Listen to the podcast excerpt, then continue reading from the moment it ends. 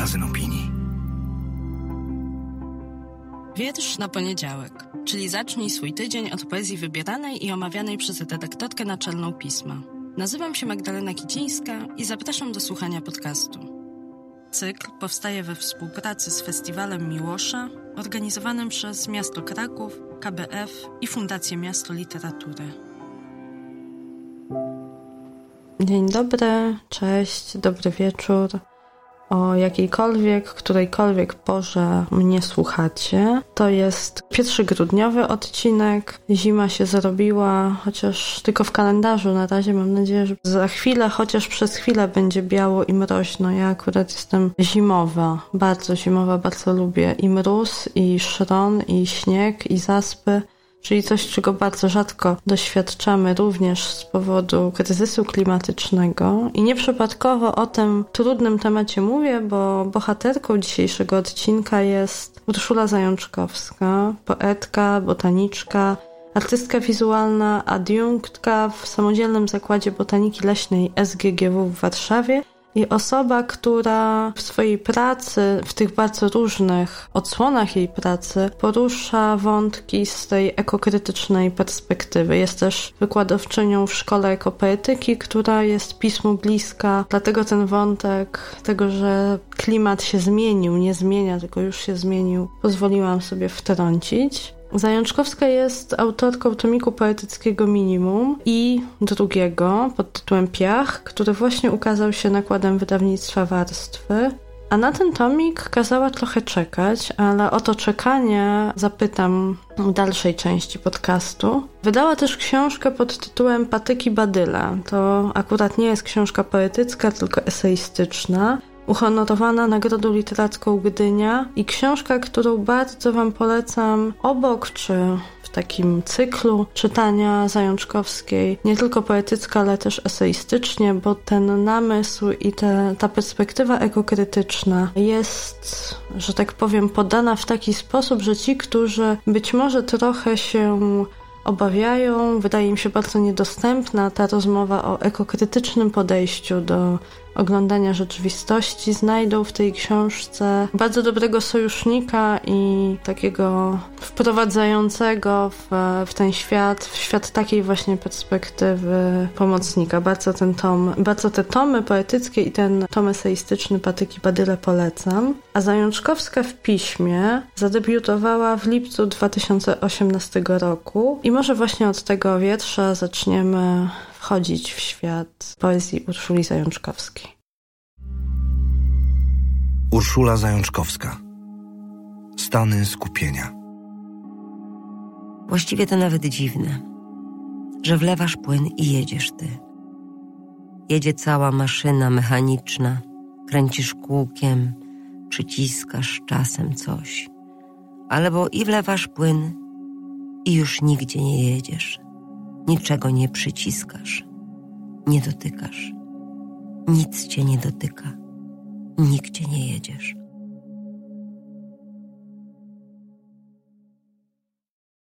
Rok później poetka podzieliła się z nami kolejnym wierszem, wierszem pod tytułem Piach, czyli pod tym tytułem, który zwiastuje również cały ten nowy, świeży, bardzo pięknie wydany tom.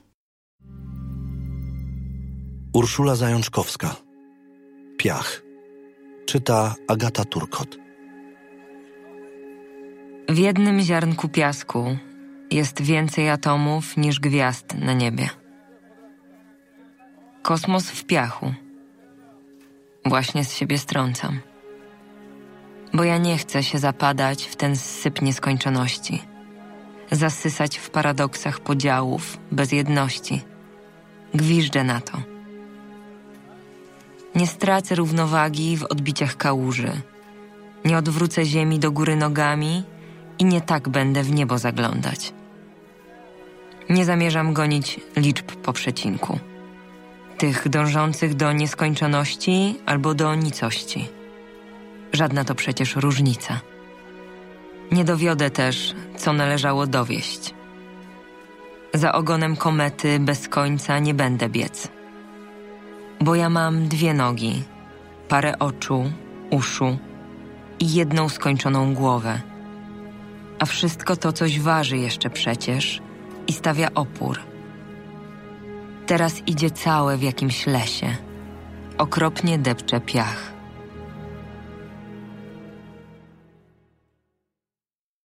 A oto właśnie dlaczego, chociaż już w zeszłym roku w swoim biogramie sama zapowiedziała nowy tom, a ukazał on się dopiero przed kilku tygodniami i o tym, czy w ogóle proces twórczy jesteśmy w stanie jakoś zaplanować, zwłaszcza w dziedzinie poezji, postanowiłam zapytać u źródła. Nie sądzę, żeby możliwym było planowanie sobie pisania wiersza, znaczy powstawania od samego początku. To jest w ogóle nic niemożliwe.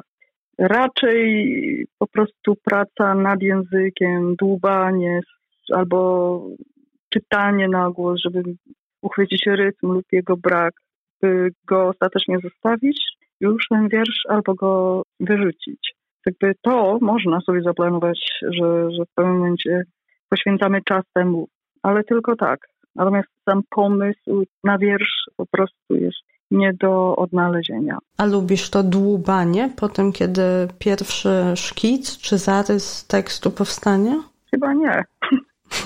Robię to tylko po to, żeby mi było dobrze z tym tekstem, bo kiedy czytam i mam obrzydzenie do tego, no to wiadomo, że ta praca jest trochę trudniejsza. Taki rodzaj rzeźbienia, wyciągania z tego czegoś. Natomiast kiedy mi się to nie udaje, to tak jak powiedziałam, kiedy to obrzydzenie nadal istnieje, no to nie pozostaje nic innego, jak po prostu to wyrzucić. I ja wyrzucam na twardo wiersze, jak to się mówi, shift, delete, taki wiesz. Żaden inny dodatkowy katalog, żadne myślenie, a co to będzie za rok, za dwa lata.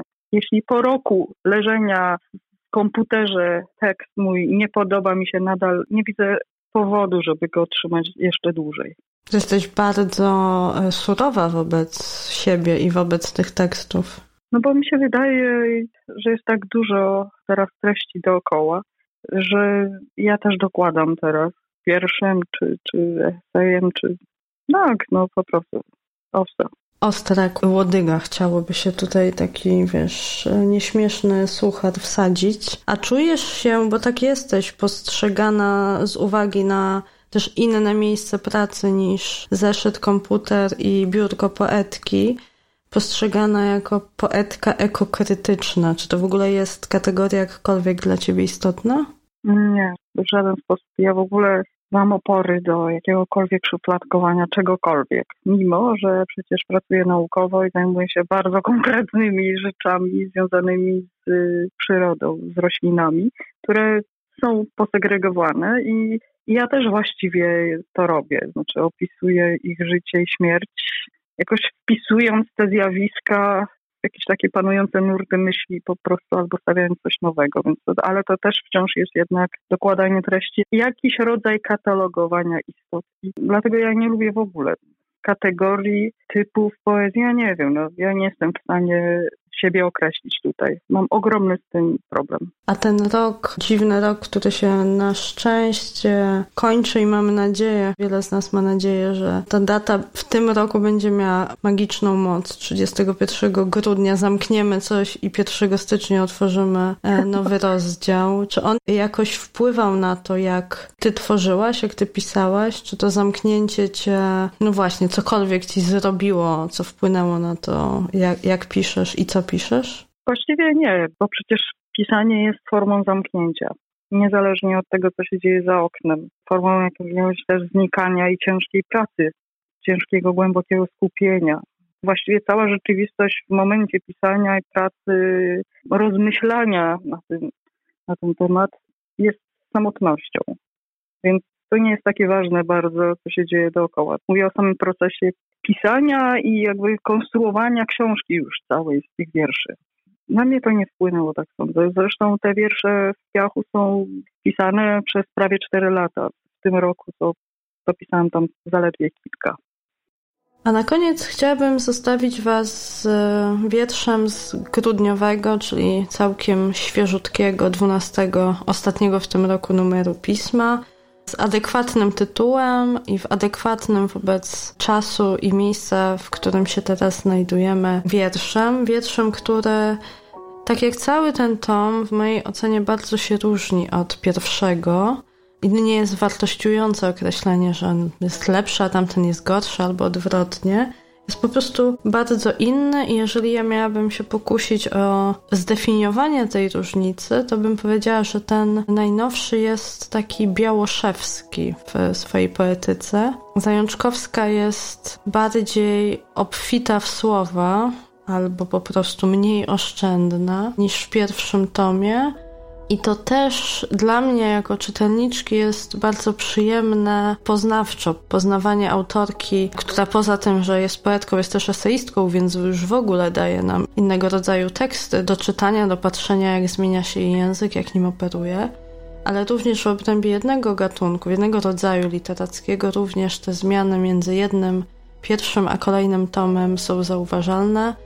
Ja to bardzo lubię czytać, tak jeden po drugim też czasami porównawczo, krytyczno-porównawczo takie zestawienia i patrzeć jak poetka czy poeta nie wyrzekając się swojego języka, czyli tego, co jest charakterystyczne dla niego czy jej i, i, co czyni właśnie wyjątkowym jej świat poetycki, umie w ramach tej swojości, że tak użyję takiego konstruktu, bawić się językiem, eksperymentować, rozwijać swój styl.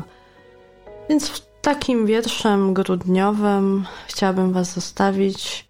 Trzymajcie się ciepło i uważajcie na siebie. Urszula Zajączkowska. Grudzień. Ogród. Czyta Agata Turkot. Żółte chorągiewki sikor skrzydełkują opierzonymi wachlarzykami miękkimi, ciepłymi brzuszkami pełnymi larw. Całe między cierniami, drzazgami, szpilkami, kolcami furkoczą. Ale nic. Nic się nie dzieje.